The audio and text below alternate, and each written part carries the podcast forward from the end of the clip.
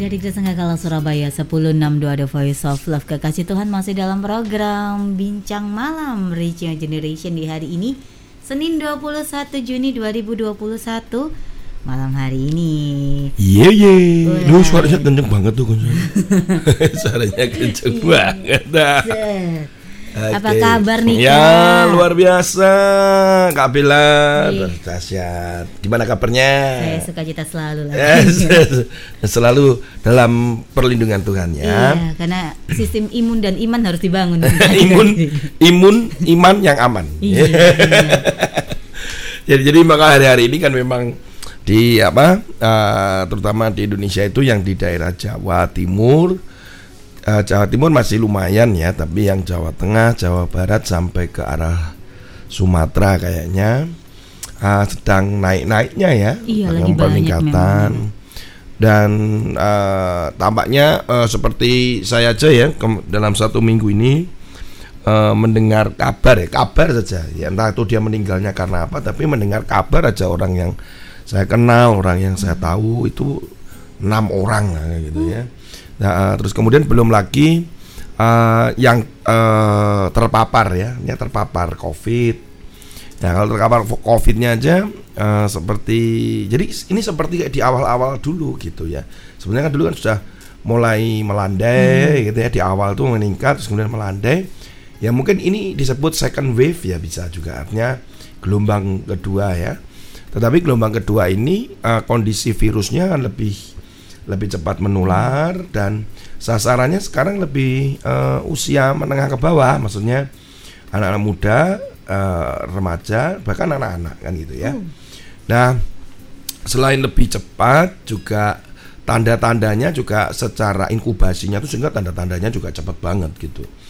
Nah, memang ada hal yang lain adalah bahwa ada yang cuman sebagai OTG gitu ya, hmm. OTG. Kebanyakan yang kena itu sekarang ini hari-hari ini begitu tes di tes positif itu OTG. Artinya gejala-gejala yang secara langsung misalkan tiba-tiba dia uh, lemes terus kemudian yeah. demam dan seterusnya, penciuman, uh, uh, penciuman dan sebagainya. Uh, itu nggak se nggak nggak nggak apa namanya uh, itu lebih banyak gitu ya itu lebih banyak walaupun nggak untuk kemungkinan yang memang menderita kondisi itu nggak perlu tujuh nggak perlu waktu tujuh hari kan nggak sekarang ya. Jadi waktu dalam waktu dua tiga hari bisa saja tiba-tiba kolaps dan kemudian meninggal dalam kondisi kayak begitu ya. Nah uh, apa uh, jemaat kami juga ada yang kena gitu.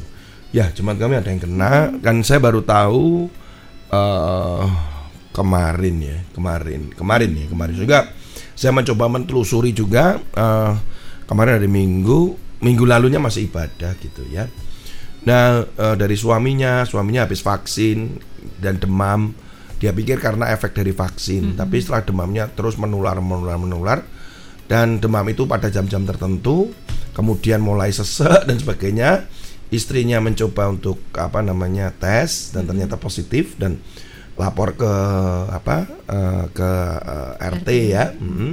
kan memang demikian ya harus asertif -hmm. ya ketika lapor ke RT maka seluruh rumah kemudian di swab dan dari lima anggota keluarga termasuk uh, suami istri ini uh, semua kena kecuali anaknya satu gitu ya nah sehingga uh, kami dari gereja juga harus concern untuk hmm. uh, selain mendoakan kami juga harus turun tangan gitu ya untuk uh, ya membantu obat dan sebagainya menguatkan gitu nah Uh, ini yang terjadi ya. Jadi beberapa kami juga ada jemaat-jemaat yang uh, prasejahtera yang saya minta kepada teman-teman yang visitasi untuk uh, mereka juga harus concern hmm. gitu ya. Satu didorong untuk cepat vaksin karena mereka kebanyakan ternyata takut vaksin itu. Hmm. Kemudian yang kedua adalah apabila ada gejala-gejala atau apa pun segera laporkan kepada apa namanya otoritas tempat tentunya. Hmm dan kemudian kita apa yang kita bisa bantu gitu. Kita harus segera ya. Itu yang terjadi. Teman kadang kadang ini bingung itu dengan apa yang terjadi hari ini. Misalkan terjadi demo ya gitu. Iya, itu. yang akhirnya menuntut saya jadi saya ilustrasinya menarik sekali. Seperti uh, saya baca satu grup ya. Satu saya punya hmm. grup itu uh, grupnya uh, gospel magician temannya. Saya saya dengan ilustrasinya lucu juga. Tapi masuk akal Bayangkan ada tamu mau masuk ke rumah kita. Kan tamu nih tamu. Iya. kemudian si tamu eh, si tuan rumah punya aturan. Kamu kalau mau masuk ke sini mesti cuci kaki gitu kan? Cuci tangan sikat gigi misalkan gitu misal lah gitu. Terus kemudian yang tamunya bilang oh nggak mau aku. Loh ya terus kemudian kan tuan rumah bilang ya kalau kamu nggak mau ya jangan masuk toh. Wong ini rumahku kan Iya. gitu. Nah tapi malah ini lucu tamunya malah demo. Pokoknya aku harus masuk nggak mau cuci kaki cuci tangan aku nggak mau sikat gigi.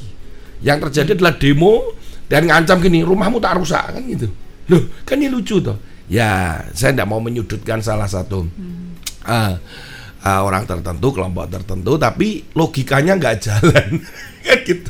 Dan saya punya rumah kan saya punya aturan. Dan saya, saya menjaga anggota ah, rumah saya dan saya dan sehingga saya kamu harus masuk sini harus dites dan sebagainya gitu kan ya itu yang terjadi saya logikanya nggak jalan sehingga saya sering kali kalau mengomentari saya cuma tagar gagal paham saya Soalnya prokes sih memang harus tetap jalan mau Ya, tidak betul, mau kan betul, kita tidak betul. mengamankan Ya. cuman keluarganya. Betul, Ini kan karena mereka tuh mikir tuh gini loh. Efeknya. Mikirnya itu mereka itu cuma mikir dirinya sendiri. Sehingga kata gini, "Oh, yang sakit ya sakit dirinya sendiri." Dia bilang aku siap misalkan ya maaf, maaf ya kawan. Oh, siap mati, siap sakit loh. Itu terserah gitu. Artinya kan masing-masing pada pilihan. Tetapi masalahnya itu ada dia hidup dengan orang lain dan Iya. sekitar orang lain, masalahnya gitu. itu ya kadang kadang kita itu ya ya ya gimana ya. Nah ini fenomena-fenomena ini kan adalah tentang pendidikan dan sebagainya ya.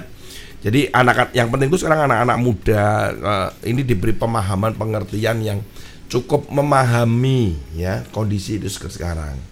Saya kemarin waktu khotbah di gereja, ah, kebetulan ada anak-anak gitu ya. Ya saya cuma tegur, ayo kamu kalau pakai masker mesti yang benar gitu ya. Terus kemudian saya ngomong gitu. Sem- ya saya nggak nakutin, saya bilang saya selama masa pandemi ini sudah nguburin satu anak loh saya bilang gitu. Yang uh, be- uh, awal-awal itu kan satu dua bulan itu kan ada yang dari luar pulau, kemudian uh, nyampe ke sini uh, sebenarnya sehat-sehat saja anak itu cuman kontrol waktu itu dia punya sakit apa gitu. Tetapi tiba-tiba drop, collapse, meninggal gitu. Nah kita nggak pernah tahu apakah dia uh, meninggal karena covid atau tidak gitu. Tapi yang jelas karena mungkin penyakit bawaannya dia. Tetapi proses penutupan peti sampai penguburan di tempat pemakaman itu kan kami juga harus eh, nggak ada gereja yang berani waktu itu karena itu awal-awal jadi kami eh, saya dengan eh, wakil gembala juga ayo sekali sudah langsung turun tangan. Nah, saya bilang sama anak-anak, saya sudah ngumpulin satu loh, saya ngumpulin satu. Jangan sampai saya ngumpulin yang kedua, ketiga, anak-anak gitu.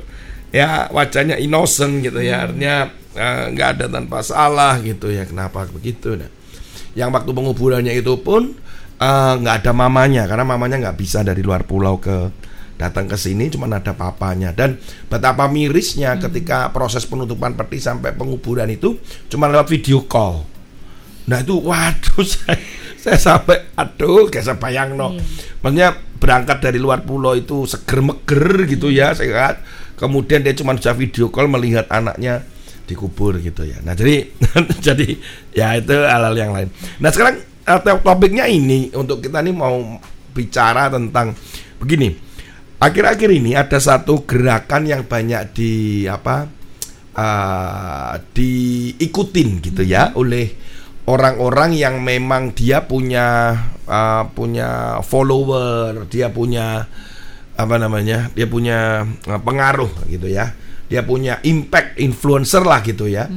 Eh, bisa itu artis bisa itu eh, apa namanya Selebgram. selebgram gitu macam-macam nah itu adalah gerakan namanya child free. Child free itu eh, gerakan tanpa anak gitu. Jadi eh, apa namanya karena kan ini eh, topik saya itu sebetulnya topik hari ini adalah topik yang tren. Apa yang trend hari ini kan?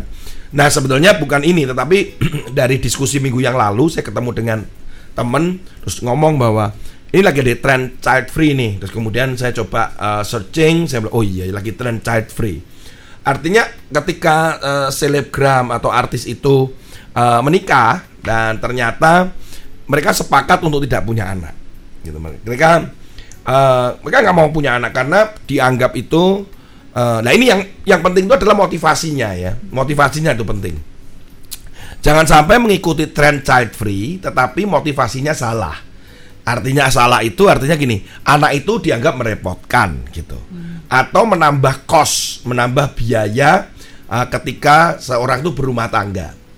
Contoh adalah gini, sebetulnya kita itu kalau tanpa anak itu kehidupan uh, pembiayaan itu akan lebih kecil. Gak ada dokter, uh, gak ada perlu kebingungan imunisasi lah, susu lah, kan penambahan anak satu itu akan ada biaya tambahan. Terus kemudian berikutnya juga bahwa tempat juga nggak perlu gede-gede.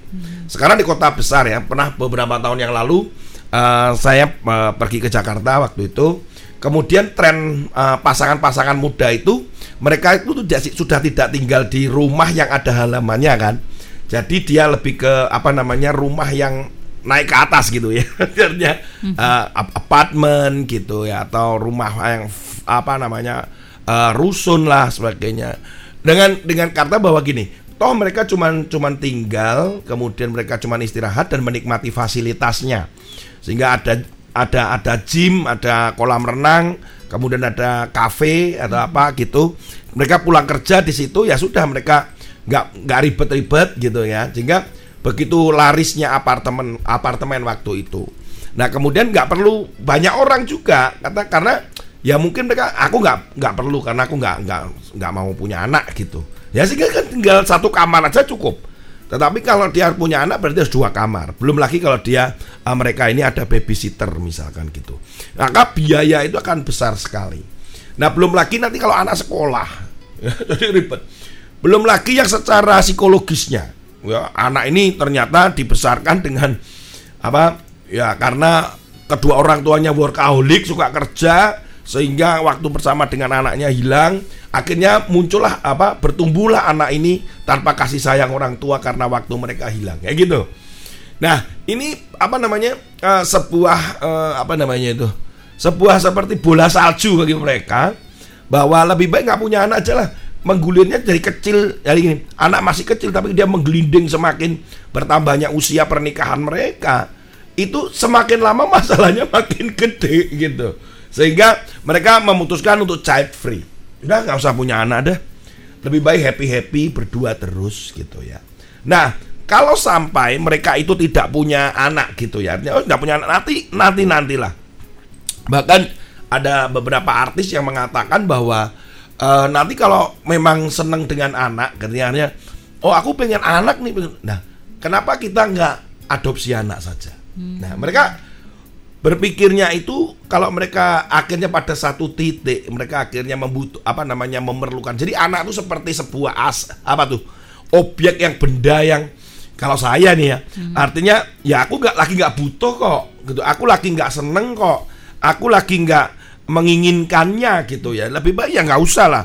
Tapi nanti setelah bertahun-tahun eh aku kayaknya kok kesepian ya kayak gini-gini. Ya aku Andre uh, adopsi anak nih. Seperti anak itu seperti sebuah sebuah benda yang hanya untuk sebuah kebutuhan uh, apa namanya kebutuhan orang tuanya gitu. Nah ini bak itu sih itu sederhana ya. Itu itu yang paling paling legal artinya adopsi. Walaupun di Indonesia Indonesia sendiri untuk adopsi itu nggak semudah yang dibayangkan kecuali sejak bayi misalkan gitu. Nah tetapi ada yang mengatakan salah satu selebgram ngomong begini, ya nanti kan kita akan punya keponakan, anaknya siapa gitu ya.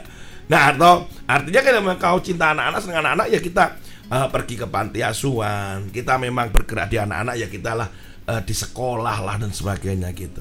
Nah ini yang akhirnya itu disalah artikan bahwa gerakan child free yang tahun 2005 sebenarnya Berarti sudah lama ya kak? Uh, ya, ini uh, dari sebuah buku ya, dari judulnya Child Free and Loving It, ya, Loving It.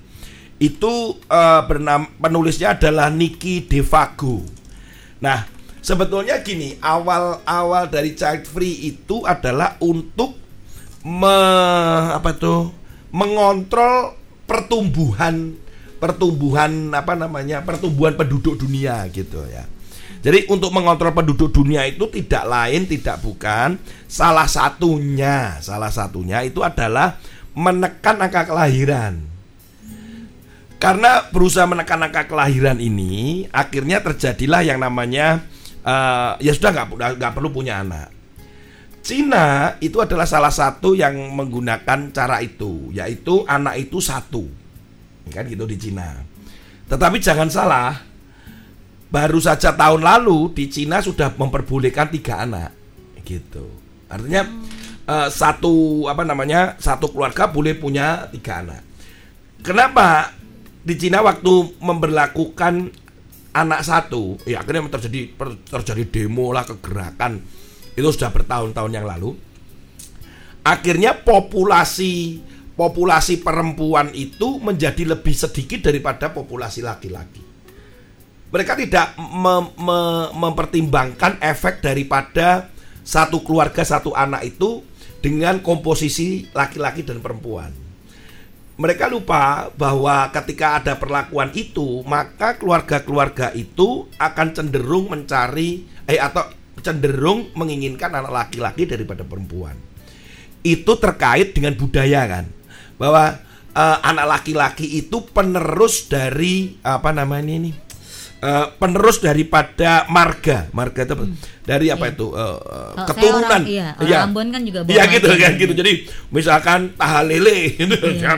tahalele. Nah kalau di, di Cina juga begitu bahwa kalau dia nama misalkan dia Lim siapa gitu ya maka kalau anaknya laki-laki maka anak itu akan juga menyandang Lim itu hmm. ya marga Lim saya gitu Tan gitu ya ya marganya di Tan gitu nah tapi kalau anaknya perempuan itu tidak meneruskan marga bahkan secara secara apa namanya uh, mereka tuh tidak menyandang marga itu yang pertama yang kedua toh mereka nanti kalau menikah kan nggak ikut sini ikut sana gitu Nah sehingga mereka itu karena mereka pertimbangan tradisi itu yang membuat akhirnya kalau anaknya perempuan dia sudah di USG dulu dilihat dalam aborsi. Ya di di di Cina banyak sekali. Di aborsi kemudian nanti hamil lagi. Pokoknya sampai harus sampai laki-laki. Atau ketika kalau yang sudah moderat nggak apa-apa. Tapi yang konvensional bahaya. Yang moderat tuh laki mau perempuan terserah. Tapi seberapa banyak sementara di Cina juga pendidikannya juga menengah ke bawah kan banyak juga. Jadi dia pikir bahwa tetap harus laki-laki. Nah, di sinilah yang akhirnya membuat perempuan akhirnya jadi lebih sedikit daripada laki-laki pertumbuhan itu. Nah, sementara dari perempuan sendiri kan perannya juga nggak nggak dianggap uh, sebelah mata. Peran mereka juga besar gitu.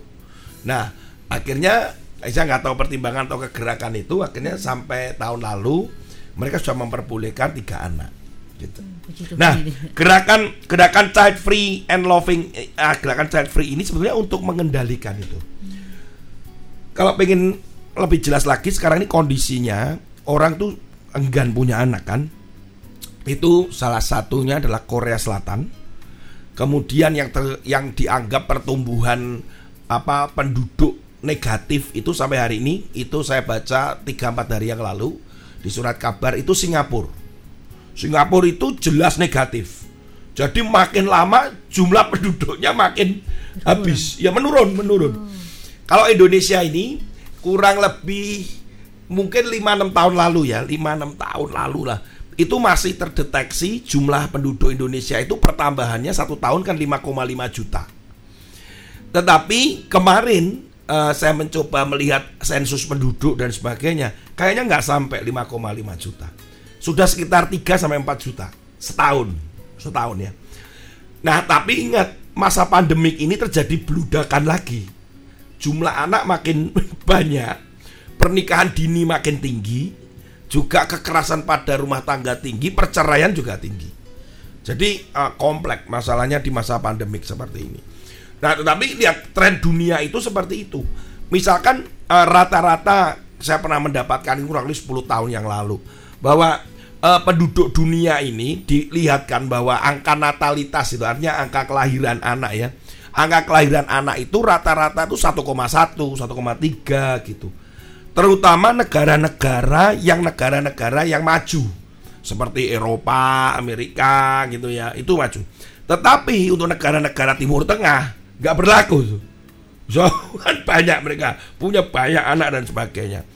Nah inilah ya saudara ini nanti kita akan berbicara efeknya bahwa ketika kita uh, mencoba untuk uh, mengatakan terjadi multiplikasi sementara gereja itu berpikir begini uh, kita harus uh, Tuhan kan berkata pergi jadikan semua bangsa muridku.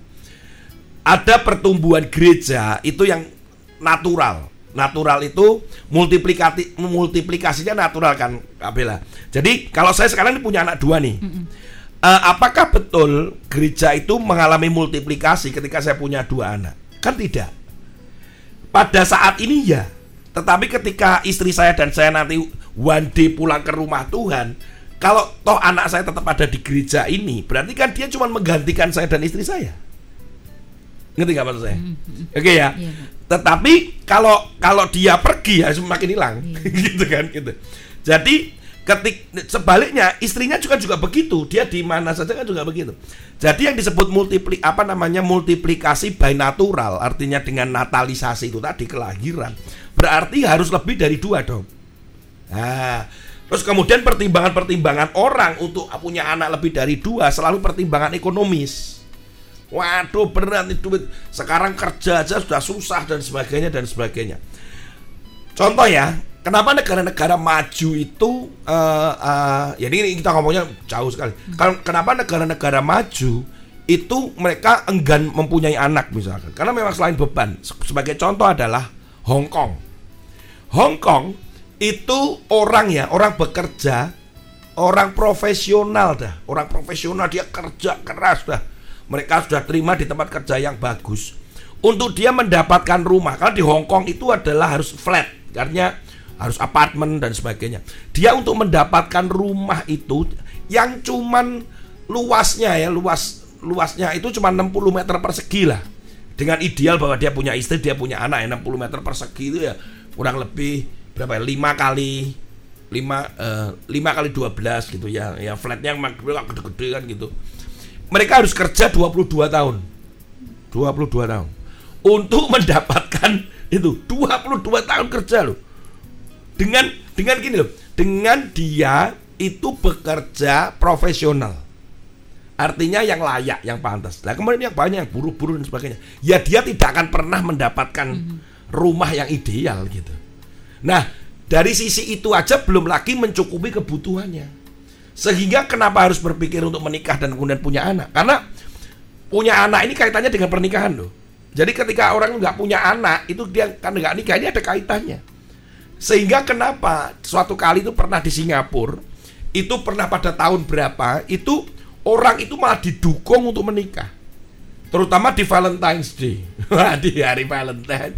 Kamu nikah oh gitu. Hmm, hari baik. Uh, hari baik kan gitu. Maksudnya dia nikah, itu nikah aja itu pemerintah Singapura waktu itu bayar. Disumbang. Terus kemudian kalau dia punya anak, ada pengurangan pajak. Jadi di usahanya gimana orang Singapura itu semakin berusaha pemerintah pokoknya kamu harus harus menikah harus punya anak kenapa karena penduduknya yang turun itu tadi nah tapi kenyataannya oh sampai hari ini tetap turun berarti proyek apa uh, stimulus dari pemerintah itu kan gagal. Jadi salah satu contoh child free itu ada di Singapura.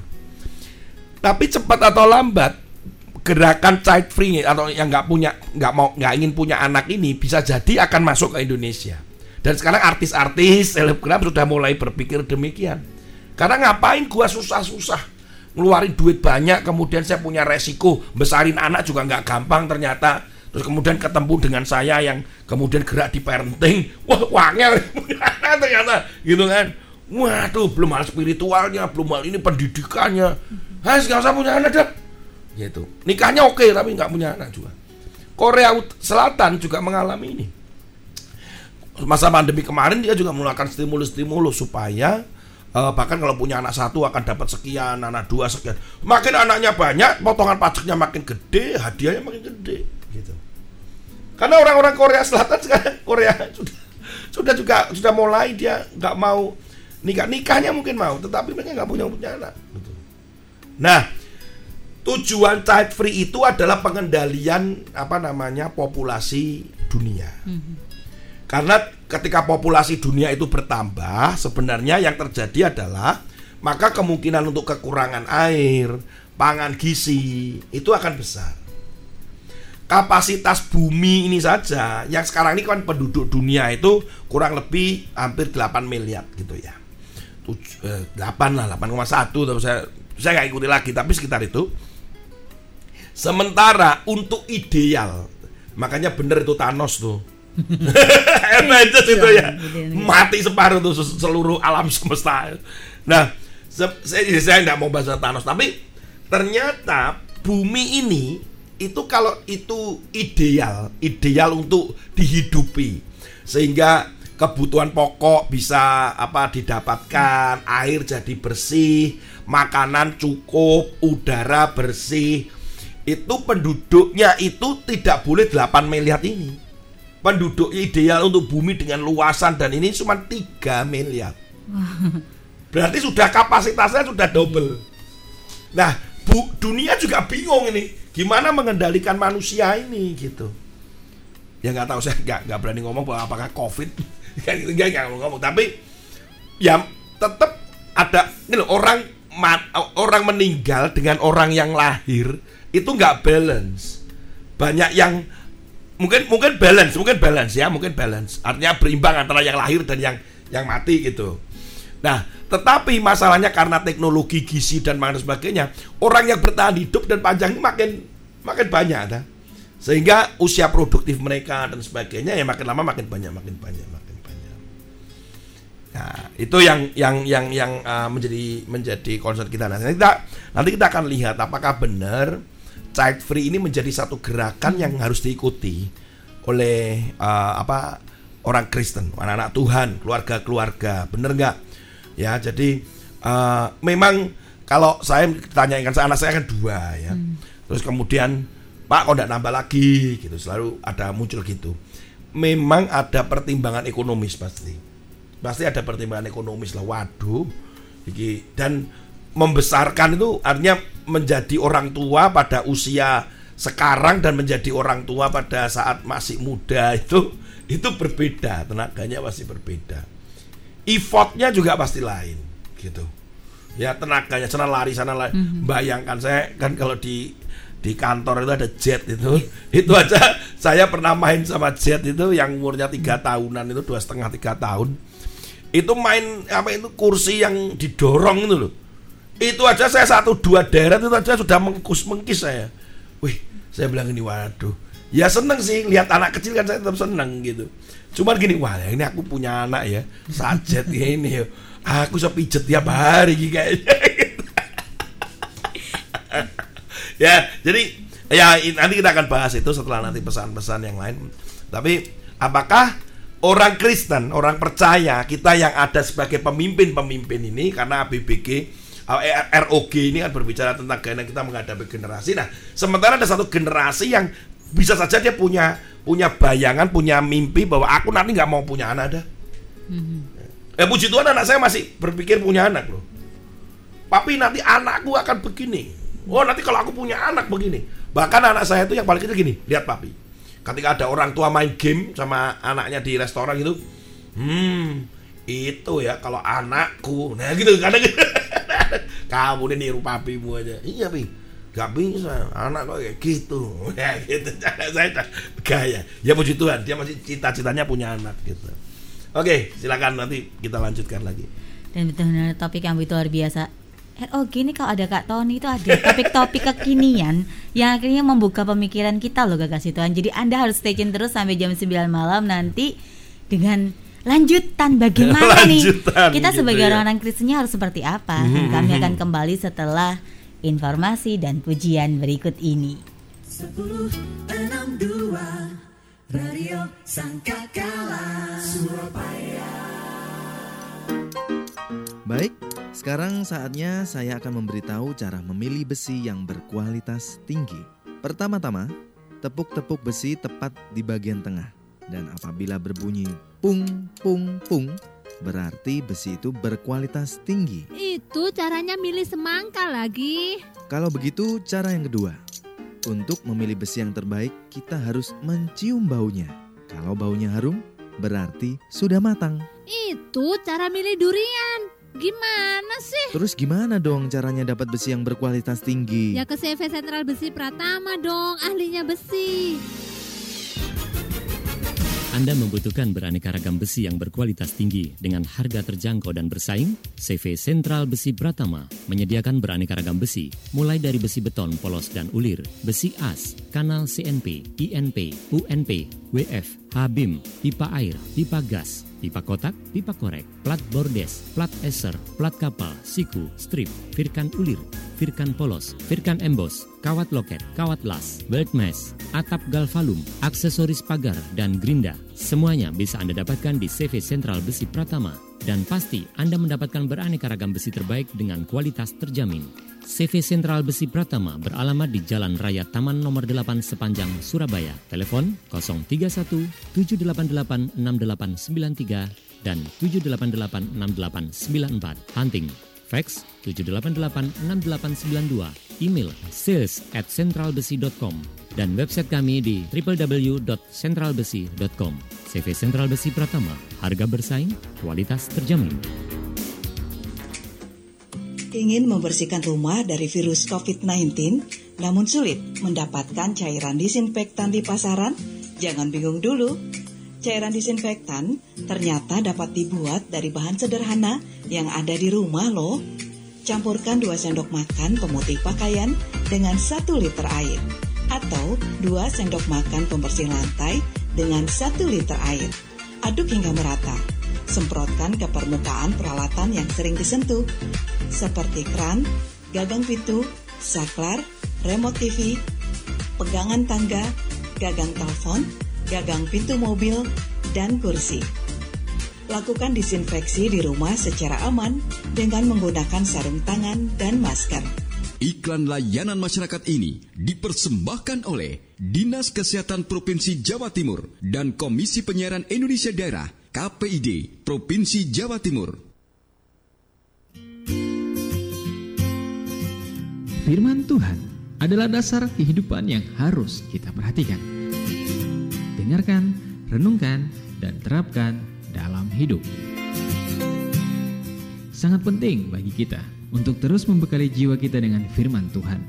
Tidak hanya tubuh, tapi kondisi rohani, roh, dan jiwa kita pun membutuhkan penyegaran.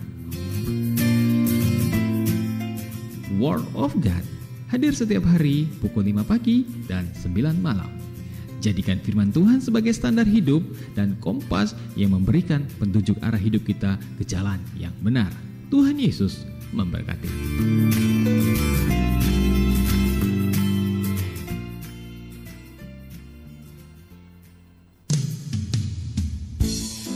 Kekasih Tuhan, persoalan dan pergumulan hidup terkadang membuat kita tidak mengerti apa yang harus kita perbuat. Namun Tuhan mengerti atas setiap persoalan yang sedang kita hadapi dan sanggup menolong kita, sebab ada kuasa di dalam kasih-Nya. Kekasih Tuhan, ikuti program Kuasa Kasih setiap Selasa pukul 10 malam.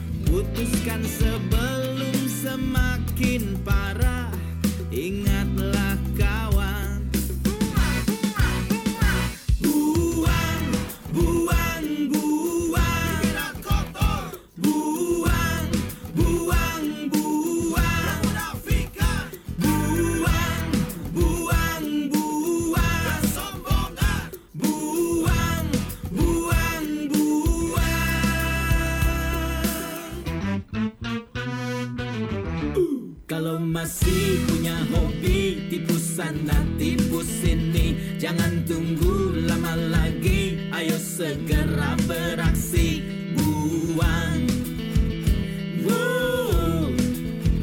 Kalau masih banyak luka yang telah dalam terpendam Jangan simpan,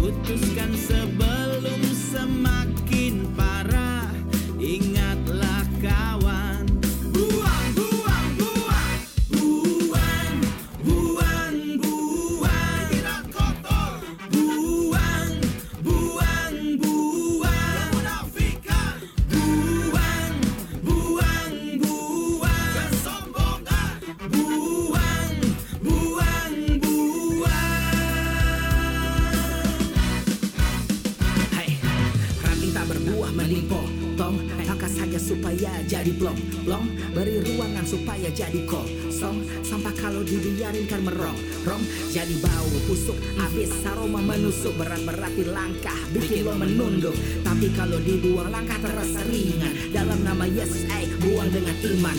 Buat apa disimpan cuma jadi penyakit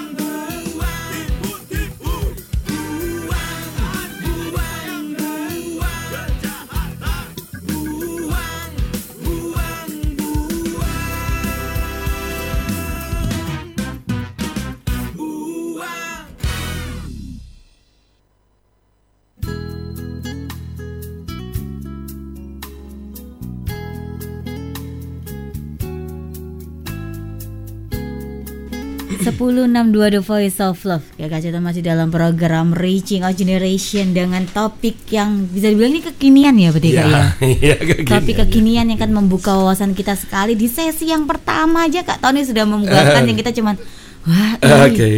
ya gitu ya Kak ya gitu Di ya, sesi uh, yang eh, kedua ini ya, ya uh, Artinya gini Um, adalah kita kembali lagi pilihan itu kan tetap di kita ya masing-masing uh, orang dewasa anak muda dan eh, apa namanya para orang tua. Apakah kita akan memutuskan untuk punya anak atau tidak? Dan yang perlu dipertimbangkan adalah perintah Tuhan kalau saya ya, karena di dalam kejadian itu jelas bahwa beranak cuculah. Ya walaupun orang bisa berkata gini loh Pak kalau orang orang itu menikah kemudian dia nggak punya anak ada beberapa hamba Tuhan kan juga gitu. Apakah itu berarti Tuhan mengutuk dia dan sebagainya kan selalu dilemanya di situ. Enggak enggak enggak. Artinya memang anak-anak anak beranak cuculah ju- juga nggak bisa dilihat secara secara fisik saja gitu ya. Bisa jadi anak rohani dan sebagainya gitu. Tetapi dalam konteks waktu Tuhan berbicara itu pun beranak cucu adalah multiplikasi di mana ada kata-kata ini beranak cuculah penuhilah bumi. Ya, jadi kata-kata itu menunjukkan adanya pertambahan penduduk. Nah, memang karena tidak terkendali ya macam-macam ya karena memang tidak ada keseimbangan itu ya karena manusia merusak alam gitu. Kalau seandainya manusia tidak merusak alam, saya kira kemudian kita mengelola dengan baik ya penuhi bumi dan eh, apa namanya penuhi bumi itu dalam arti kelola, manage gitu. Ya karena dosa itulah akhirnya manusia itu dengan serakahnya sehingga tidak bisa mengelola dengan baik semua sumber alam, sumber eh, apa sumber dayanya semua dirusak.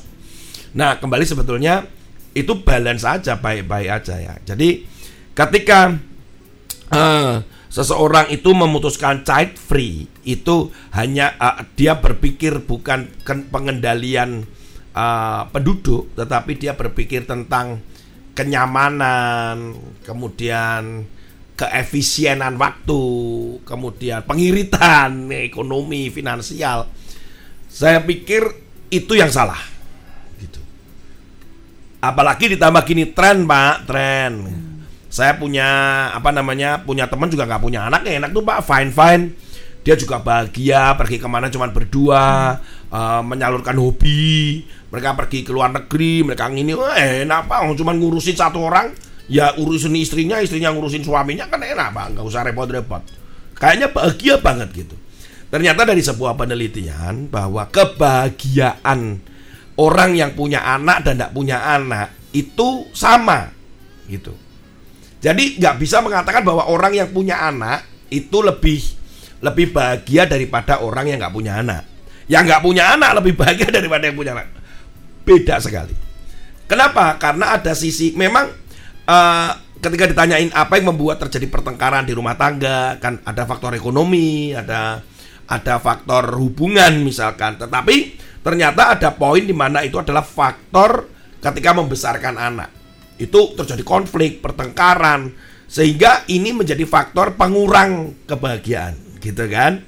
Tetapi di sisi yang lain orang yang punya anak, kebersamaan dengan anak, kemudian itu adalah eh, apa ya? nggak bisa terkatakan dengan faktor ekonomi, tapi ada satu psikologis yang kejiwaan yang itu membuat mereka itu bahagia. Jadi nggak bisa kita bandingkan bahwa orang yang punya anak lebih bahagia daripada orang yang nggak punya anak atau sebaliknya orang yang nggak punya anak lebih bahagia daripada mereka masing-masing. Jadi sehingga dikatakan ya pilihan. Kalau kembali ketika pada pilihan, marilah kita memilih itu sesuai apa yang Tuhan inginkan. Sehingga dalam konseling per- pernikah saya sering mengatakan kapan kamu akan punya anak, gitu. Itu akan menjadi satu apa tuh sesi tersendiri berbicara tentang anak. Kenapa? Karena jangan sampai gini, saya rencana nggak punya anak gitu. Wah itu kalau dalam sesi konseling saya putus saja sudah nggak usah nerusin gitu. Kenapa? Karena kamu melakukan sesuatu yang benar-benar nggak nggak apa nggak nggak nggak nggak Tuhan maui. Tuhan mau itu kita beranak cucu dan kata-kata adalah penuhi bumi itu berbicara tentang sesuatu tentang pertambahan itu tadi. Nah, kemudian apakah ini ada beberapa penelitian ya. Coba saya baca nanti saya akan kembalikan lagi kepada saudara bahwa eh, apakah benar anak itu eh, dengan punya anak itu eh, memperpendek umur gitu. Ternyata dari hasil penelitian enggak. Dari beberapa hasil penelitian yang saya baca yang saya dapatkan yaitu eh, itu di apa namanya diterbitkan dalam Journal of Epidemiology and Community Health tahun 2017. Nah, itu dilakukan sebuah eh, penelitian bahwa bahwa dukungan dari anak-anak yang berusia dewasa pada orang tua lanjut usia itu penting sehingga kesehatan orang tuanya jadi lebih baik, lebih panjang.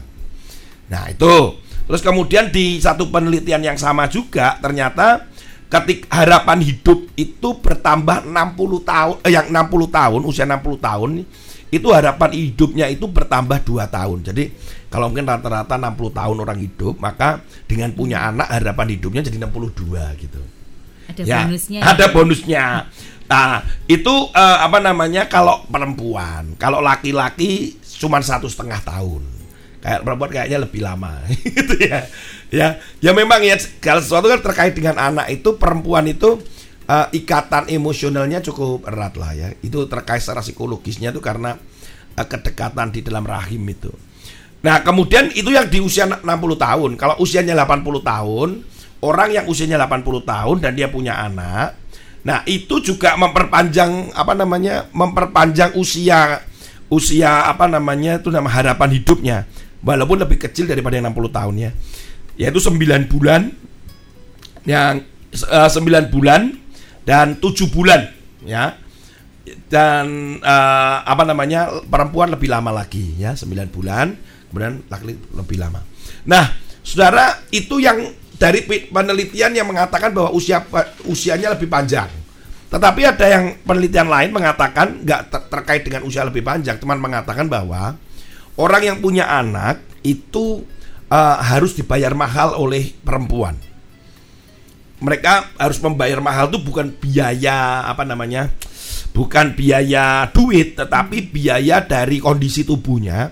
Di mana ketika terjadi kehamilan itu menyedot banyak hal. Salah satu contoh yang paling sederhana adalah kalsium kan, bahwa ibu yang hamil itu kalsiumnya kan disedot untuk pembentukan tulang daripada janin. Sehingga kenapa uh, oh ibu yang hamil itu harus banyak minum apa namanya itu minum susu yang mengandung kalsium, makanan-makanan yang bisa menghasilkan kalsium, vitamin K misalkan kayak gitu. Kenapa? Karena saat itu disedot.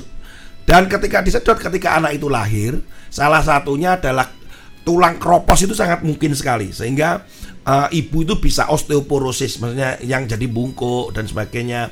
Terus giginya jadi rapuh ya karena itu hal-hal seperti itu. Nah kos yang lain itu sebenarnya bukan hanya itu tapi ternyata dari sebuah penelitian yang dilakukan oleh uh, beberapa ahli yang ditulis di dalam di apa diterbitkan dalam American Journal of Human Biology tahun 2006 itu dikatakan bahwa wan- perempuan yang hamil dan ketika satu anak itu diperkirakan mengurangi usia daripada ibunya itu 95 minggu. Nah, sekarang 95 minggu. Jadi sebetulnya eh, ketika satu anak 95 minggu, dua anak tinggal ngurangin. Tapi saya pernah dulu ada candaan tuh lucu sekali gini. Eh, lucu sekali. Sampai saya bilang gini. Ya ini candaannya. Kalau punya anak satu, itu katanya daya ingatnya ibu itu berkurang separuh.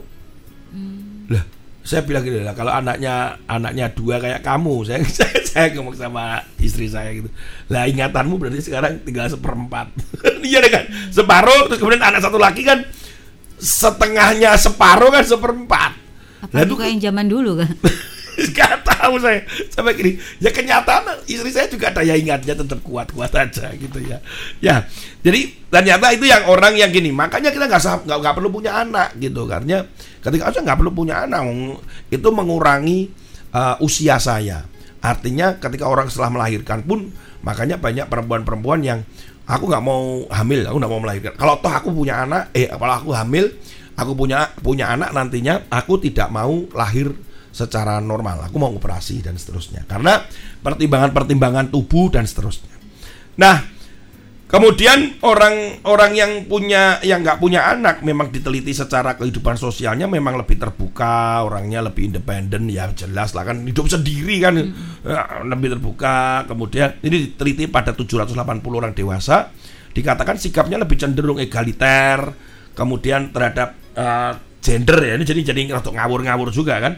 Eh, dia nggak tradisional, dia sangat eh, apa namanya terbuka sekali. Ini orang-orang seperti itu. Jadi dan bahkan dalam sebuah penelitian dalam sebuah survei cukup mengejutkan bahwa orang-orang yang memutuskan untuk dia child free adalah mereka yang punya pendidikan tinggi, kemudian secara finansial mereka cukup lebih daripada cukup.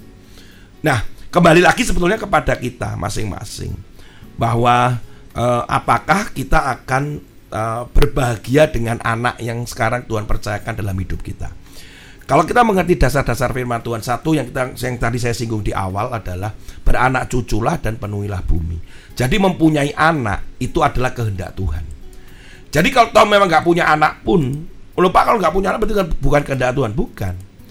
Tetap aja kehendak Tuhan. Tetapi punya anak itu biarkan itu natural dan itu adalah alami memang Tuhan izinkan. Apa Tuhan kehendaki? Yang kedua, anak itu adalah milik pusaka dari Tuhan. Sehingga kita tahu bahwa ketika saya punya anak, saya mendapatkan pusaka itu dan saya harus jaga itu. Yang ketiga, saya ini eh, punya anak, saya belajar banyak tentang hubungan antara manusia dengan Allah itu ketika saya punya anak. Oh, ternyata yang namanya bapak itu begini, namanya manusia itu begitu, itu dari hubungan saya dengan anak. Dari situlah saya mengerti dan saya lebih lebih matang lah yang maksudnya gini, oh iya ya. Jadi saya tuh nggak boleh lo main-main sama sama Tuhan gitu karena anak saya itu juga begitu. Oh, anak saya ini nakal ya dalam arti tanda petik ya, nggak nurut. Nah itu sepertinya dikembalikan ke saya. Kamu kan juga nggak nurut dengan Tuhan. Ya, gitu. Jadi kayak gitu gitu. Jadi lebih kepada refleksi-refleksi yang membuat saya secara rohani malah bertumbuh gitu. Berikutnya yang keempat itu adalah berbicara generasi. Tuhan selalu berbicara tentang generasi demi generasi. Bahwa ada generasinya Musa, kemudian Musa, kemudian ada generasinya Yosua, Yosua kemudian ada generasi demi generasi. Untuk apa? Untuk uh, me- apa namanya? memenuhi rencana Tuhan dalam sepanjang hidup manusia sampai finally itu adalah keselamatan total ya, penyelamatan total di mana juga akan ada kembalinya kita kembali kepada Tuhan dalam kemuliaannya. Itu adalah sebuah rencana. Lah ini kalau berhenti kayak kita ngomong ekstrim aja berhenti ya nggak ada terus begitu. Tuhan bisa melakukan apa saja sih. Tetapi mari kita melakukan itu adalah berbicara tentang generasi demi generasi. Kalau Tuhan tidak menghendaki ada anak gitu ya. Berarti juga nggak pernah ada muncul yang dalam Mazmur 73 atau 71 ceritakan kepada dia, dia ceritakan kepada cucunya dan seterusnya itu. Bahwa Tuhan itu meng- menghendaki adanya generasi demi generasi. Dengan dengan kata eh, apa namanya dengan pertimbangan keempat hal itu bahwa kembali lagi bahwa ketika kita punya anak itu adalah sesuatu anugerah.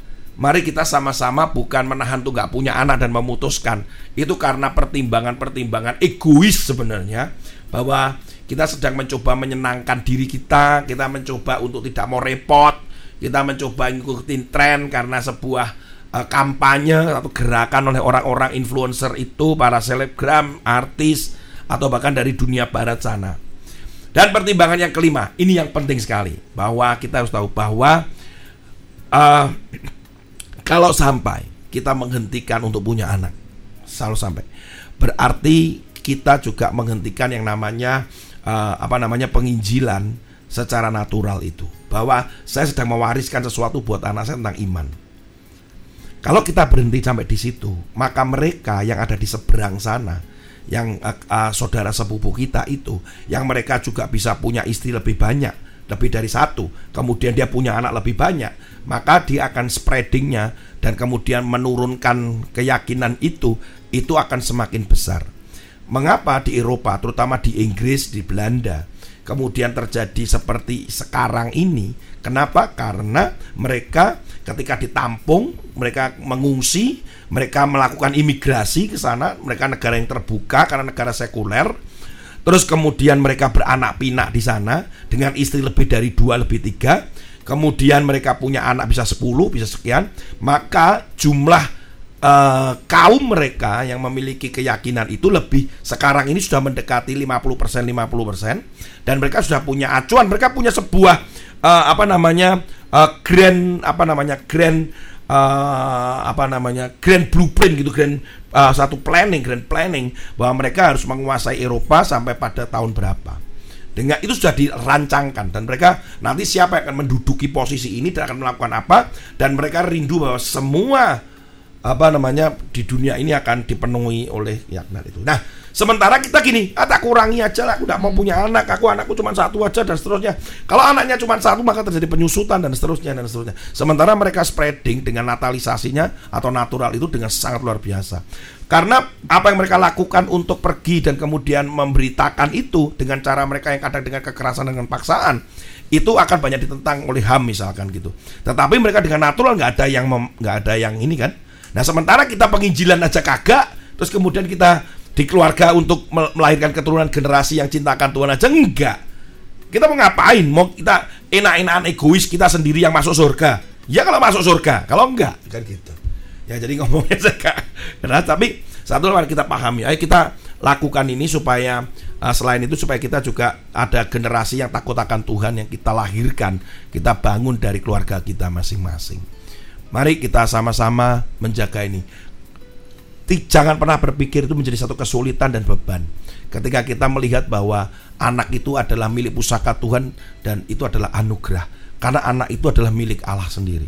Maka kita akan melihat bahwa ada satu berkat tersendiri ketika kita punya anak, maka akan ada berkat ter- uh, apa namanya? bertambah lah gitu ya. Dan jangan khawatir, Tuhan menyertai saudara. Tuhan Yesus memberkati. Jangan pernah khawatir Kak kasih Tuhan. Pokoknya pilihan memang ada di kita, tapi yang pasti yang katanya Kak Tony benar-benar begitu luar biasa. Tapi pilihlah sesuai apa ya kehendak Tuhan yang Apa Tuhan yang mau. Tuhan mau. Dan kekasih Tuhan tanpa terasa sudah di menit-menit akhir kebersamaan kita. Jadi selamat malam, selamat beristirahat. Tapi jangan beristirahat dulu mungkin karena sesaat lagi Anda akan mendengarkan program Word of God di ruang dengar Anda. Stay tune terus di 1062 The Voice of Love. Tuhan Yesus memberkati.